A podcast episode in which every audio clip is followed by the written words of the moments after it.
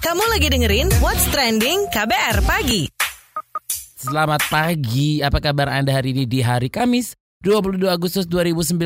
Baik, harus ya kan? Harus tetap semangat, harus tetap dalam keadaan fit untuk menjalani semua aktivitas ya kan?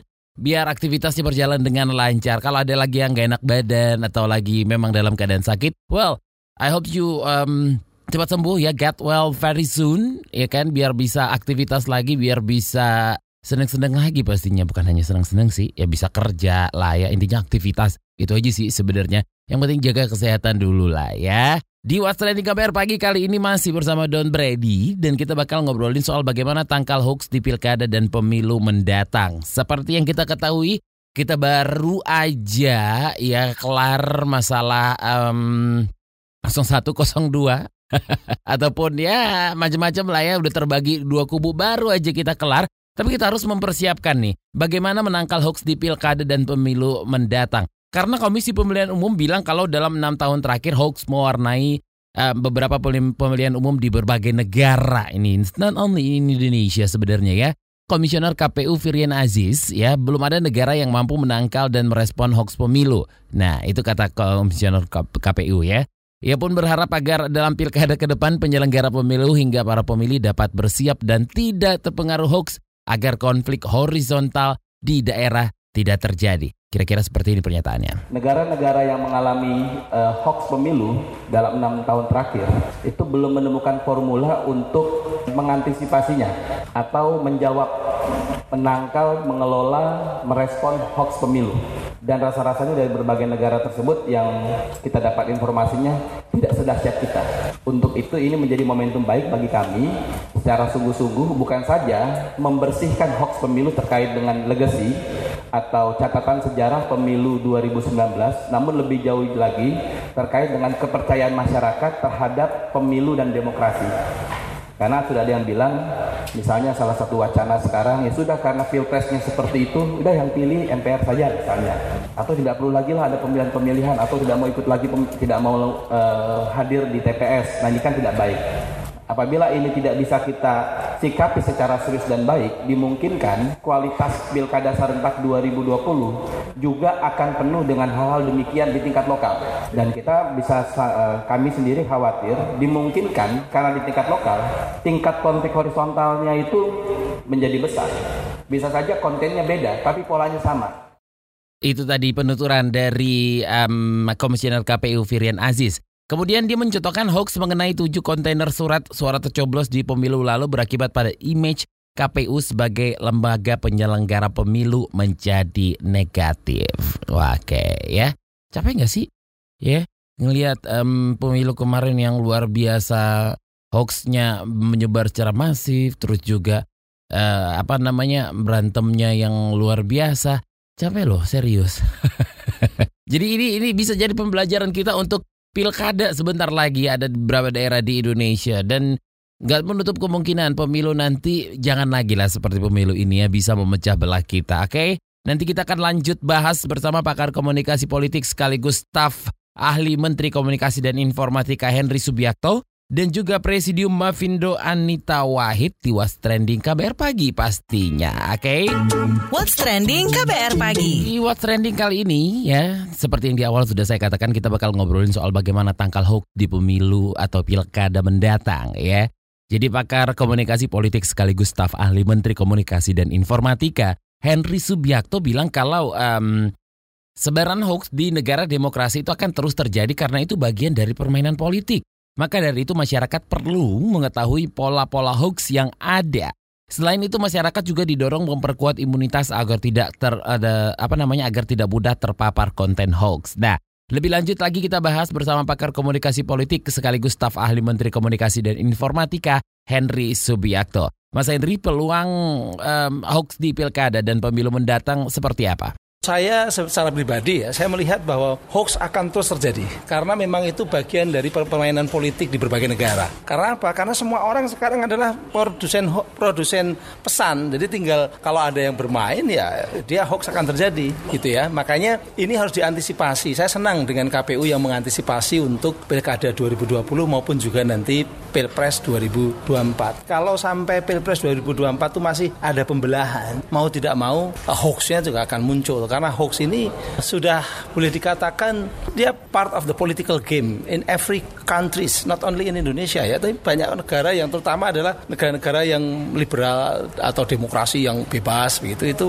terjadi. Hmm, polanya itu bakal seperti apa? Walau kalau polanya belum tahu ya, tapi yang jelas hampir sama bahwa narasinya pasti akan lebih lebih canggih gitu kan, menyentuh persoalan-persoalan keagamaan, menyentuh persoalan-persoalan suku agama ras antar golongan itu memang memang di sana e, selama ini kalau saya mengamati ya hoax di negara-negara di luar Indonesia itu sama, yaitu apa? Yang diserang, yang dicoba untuk dimanipulasi, dipengaruhi itu pasti masyarakat mayoritas. Karena apa? Karena itu mayoritas yang mau dicari itu adalah dukungan mayoritas, maka menggunakan manipulasi-manipulasi yang berkaitan dengan emosi mayoritas. Dan biasanya yang membuat mayoritas itu ada sebagian mayoritas yang memang juga fanatik ya, itu memperkuat hoax tadi. Efeknya? Maka yang terjadi adalah ketakutan-ketakutan kepada asing, kepada imigran, kalau di Eropa, di Amerika juga begitu. Nah di Indonesia polanya walaupun katakanlah hampir sama, tapi memang dengan konteks yang berbeda. Tapi ilmunya sama, strateginya sama. Jadi ada yang by design, hoax itu memang by design diproduksi secara terstruktur masif dan sistematis gitu ya.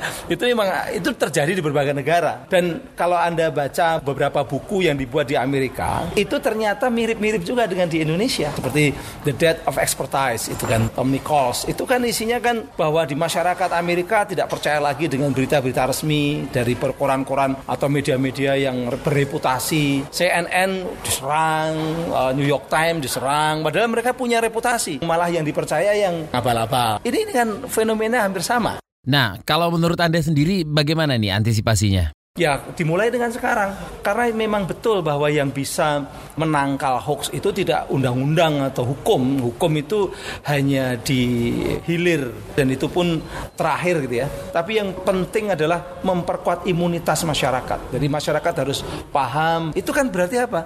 Kita siap gitu. Saya sebenarnya gini, waktu sebelum ada hoaxnya di KPU, saya udah ngira-ngira ini pasti nanti ada hoax seperti di Amerika. Dan betul terjadi. Karena apa? Karena sebenarnya kan polanya mirip-mirip. Kalau pemerintah ya, pemerintah kan sudah sudah punya undang-undangnya, itu mempersiapkan undang-undang, kemudian mencoba untuk mengembangkan undang-undang itu tidak lagi kalau undang-undang ITE kan yang bertanggung jawab dan dikenakan sanksi kan pelaku-pelakunya yang nyebar, yang buat itu kan. Tapi kalau yang sekarang mau disiapkan di PP pengganti PP 82 itu platformnya juga akan dimintai pertanggungjawaban. Oke, terima kasih pakar komunikasi politik sekaligus staf ahli Menteri Komunikasi dan Informatika Hendri Subiakto. Kamu lagi dengerin What's Trending KBR Pagi. Masih di What's Trending KBR pagi ya kita masih ngobrolin soal persiapan nih persiapan ya gimana nangkal hoax di pilkada dan pemilu mendatang. Nah dari masyarakat anti fitnah Indonesia sendiri atau Mavindo menyarankan KPU membentuk tim khusus untuk mengawasi um, percakapan mengenai pemilu di internet ya. Presidium Mavindo Anita Wahid mengatakan langkah itu dilakukan untuk menyisir konten misinformasi yang muncul di publik. Kata dia, konten-konten semacam itu perlu ditangani sedini mungkin sebelum menyebar luas. Presidium Mavindo Anita Wahid menambahkan tantangan ke KPU ke depannya itu adalah mengawasi percakapan di grup WhatsApp. di grup WhatsApp keluarga, alumni SD, SMP, SMA. Ah, banyak deh ya pokoknya. Nah, soalnya nih katanya, ya kata Anita Wahid, uh, wilayah itu jauh dari jangkauan dan tertutup sehingga sulit diverifikasi KPU. Untuk lebih uh, lengkapnya lagi kita bahas bareng Presidium Mavindo Anita Wahid. Mbak Anita, berdasarkan pengalaman Mavindo debunking hoax, ya, apa yang Anda sarankan untuk tangkal hoax pilkada dan pemilu mendatang nih Mbak? Perlu ada tim khusus yang dimiliki oleh penyelenggara pemilu Tim khusus ini perlu dengan sigap menyisir internet mengenai percakapan-percakapan yang dimiliki. Jangan tunggu viral. Dalam pemantauan kami, sebuah informasi begitu dilempar ke sosial media, itu kita hanya punya waktu 4 jam untuk membuat klarifikasinya. Di atas 4 jam kita baru klarifikasi, maka kita hanya bisa membersihkan 10% saja dari orang-orang yang sudah terpapar itu. Artinya kalau sebuah postingan itu sudah di-share 10 ribu kali, maka yang bisa kita bersihin hanya 10 ribu. Yang 9 ribunya lagi akan tetap percaya pada postingan tersebut. Itu sebabnya jangan menunggu viral dulu, tapi kita yang mesti rajin-rajin mencari percakapannya orang-orang. Orang-orang ini ngomongin apa? Soal KPU, soal Bawaslu, soal dan segala macam penyelenggaraan mengenai uh, penyelenggara pemilu. Yang masih belum terjangkau itu gimana sih, Mbak? Kemudian juga memang ada PR-nya, memang agak menantang sekali, yaitu adalah percakapan di wilayah tertutup. Sangat mudah untuk mendeteksi hoax-hoax yang bertebaran di sosial media yang terbuka. Misalnya di akun saya, saya ngoceh macam-macam gitu. Orang bisa melihat sehingga sangat mudah untuk diketahui. Tetapi yang kita tidak tahu adalah hoax apa yang berkembang di ruang tertutup. Facebook close groups misalnya, WhatsApp groups, Telegram. Ini adalah wilayah-wilayah yang jauh dari jangkauan. Kalau Mavindo masih berpegangan pada hukum gitu ya, jadi kami tidak mau melakukan hal-hal ilegal seperti hacking dan segala macam gitu. Tetapi saya membayangkan apa pun yang beredar di situ itu jauh dari jangkauan verifikasi. Berapa banyak pun di bank yang kami lakukan itu tidak akan bisa masuk ke situ dan tidak akan bisa membersihkan yang ada di dalam ruang situ. Nah itu yang sangat berbahaya. Ini perlu dijadikan perhatian juga mengenai kenapa pentingnya jangan nunggu viral karena belum tentu yang tidak viral di ruang terbuka itu sebenarnya tidak viral juga di ruang tertutup sehingga sebenarnya juga mempengaruhi pemikiran-pemikiran orang secara kognitif. Hmm, Oke, okay. seperti apa pola hoax pada pemilu kemarin yang perlu diwaspadai? Uh, semua hoax ini dan tingkat kebencian yang sudah tinggi ini yang kemudian berujung pada kerusuhan di tanggal 21 dan 22 Mei itu semuanya itu adalah sebenarnya satu lapisan demi satu lapisan yang secara sengaja dibuat. Jadi kayak building up gitu ya. Awal-awal adalah kebencian terhadap kandidat, kemudian kebencian terhadap penyelenggaranya, kemudian ketidakpercayaan terhadap pengawasnya, ketidakpercayaan terhadap pemutusnya. Ini saya melihat bahwa memang ada pola yang sengaja sengaja dibangun sehingga batu batanya makin lama makin besar gitu. Untuk beberapa hal kita lihat membawa ke arah 212 Mei itu kami melihat bahwa banyak sekali ujaran kebencian terutama sekali di WhatsApp grup WhatsApp grup itu itu adalah narasi-narasi yang sebagian besar didasarkan pada hoax. Jadi jangan cuma berhenti pada debunkingnya atau verifikasi hoaxnya aja, tetapi kita juga perlu mulai benar-benar tuning in gitu memperhatikan hoax yang tadi sudah kita verifikasi menimbulkan percakapan percakapan apa di masyarakat. Karena itu juga penting sekali untuk kita tengarai gitu ya sehingga kita bisa melakukan entah responnya dalam bentuk apa pun saya kurang tahu. Nah, ini satu hal yang memang perlu diperhatikan juga. Terima kasih Presidium Mavindo Masyarakat Anti Fitnah Indonesia Anita Wahid. Kamu lagi dengerin What's Trending KBR Pagi. Penasaran sama komentar Miss KBR? Ini dia Miss KBR. Eh, saudara, kapan itu kan ada yang lempar kail alias wacana perkara presiden kembali dipilih oleh MPR RI kan? Nah, yang jadi musababnya ya hoax lah yang berkembang selama Pilpres 2019 lalu itu. Kalau menurut datanya Kominfo, sepanjang jalan kenangan kan Pilpres udah jadi kenangan ya, Wak. Ada lebih dari 1200 hoax lah dalam kurun waktu Agustus 2018 sampai Maret 2019. Ya salam, are we in the dark ages or something? Gak jadi alasan juga careless Ya kali masa balik kucing begitu. Pilpres secara langsung itu kan pencapaian buat negara yang berdemokrasi ke Indonesia. Tapi ya gara-gara hoax yang bejibun itu Pemerintah rasa-rasanya ya kewalahan ya Gak cuman pemerintah sih. Kita-kita ini yang cuman butiran pupur Ya juga kewalahan Masalahnya Miss KBR itu kan gak pernah minta ya dapat kiriman hoax. Cuman orang-orang itu kok ya mau gitu loh. Repot-repot sekadar sebar atau bahkan bikin hoax itu. Itu jempol-jempol atau jari jemari laknat. Ups, ngomong laknat gak perlu disensor kan ya? eh, tahun depan itu kan ya pilkada atau pemilihan kepala daerah serentak ya dan ramalannya hoax-hoax itu masih akan ditebar oleh orang-orang yang tiada bertanggung jawab dan konon bakal lebih sulit dideteksi. Maka dari itu, literasi digital tuh perlu banget. Nggak cuma Miss KBR doang loh ya yang ngomong. Pemerintah juga, cuman caranya itu loh. Mesti kudu gimana ya biar nancep gitu di kepala orang-orang. Perlu difatwain haram kali ya? Eh, udah sih itu, haram loh hukumnya. Miss KBR sih berharap ya pemerintah nggak sampai blokir atau ngurangin layanan data alias internet di Indonesia. Ya, udah dilakukan beberapa kali sih terakhir itu pas yang di Papua kemarin kan.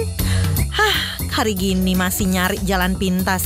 Kalau ada faedahnya sih tiada apa-apa. Lah ini atas nama menghambat penyebaran hoax, lah kok malah bikin rugi orang-orang. Ini nggak ada hubungannya sama nasionalisme loh ya. Ini perkara akses informasi. Kalau nggak ada yang kasih ingat, itu pemerintah bakal keterusan. Itu melulu yang bakal dilakukan, ya kan? Itu dia tadi komentar dari Miss KBR. Mau tahu besok Miss KBR bakal komentar apa lagi? Tungguin cuma di KBR Pagi. What's Trending KBR Pagi. Saya Don Brady pamit. Besok ketemu lagi dong. Bye-bye. Terima kasih ya sudah dengerin What's Trending KBR Pagi.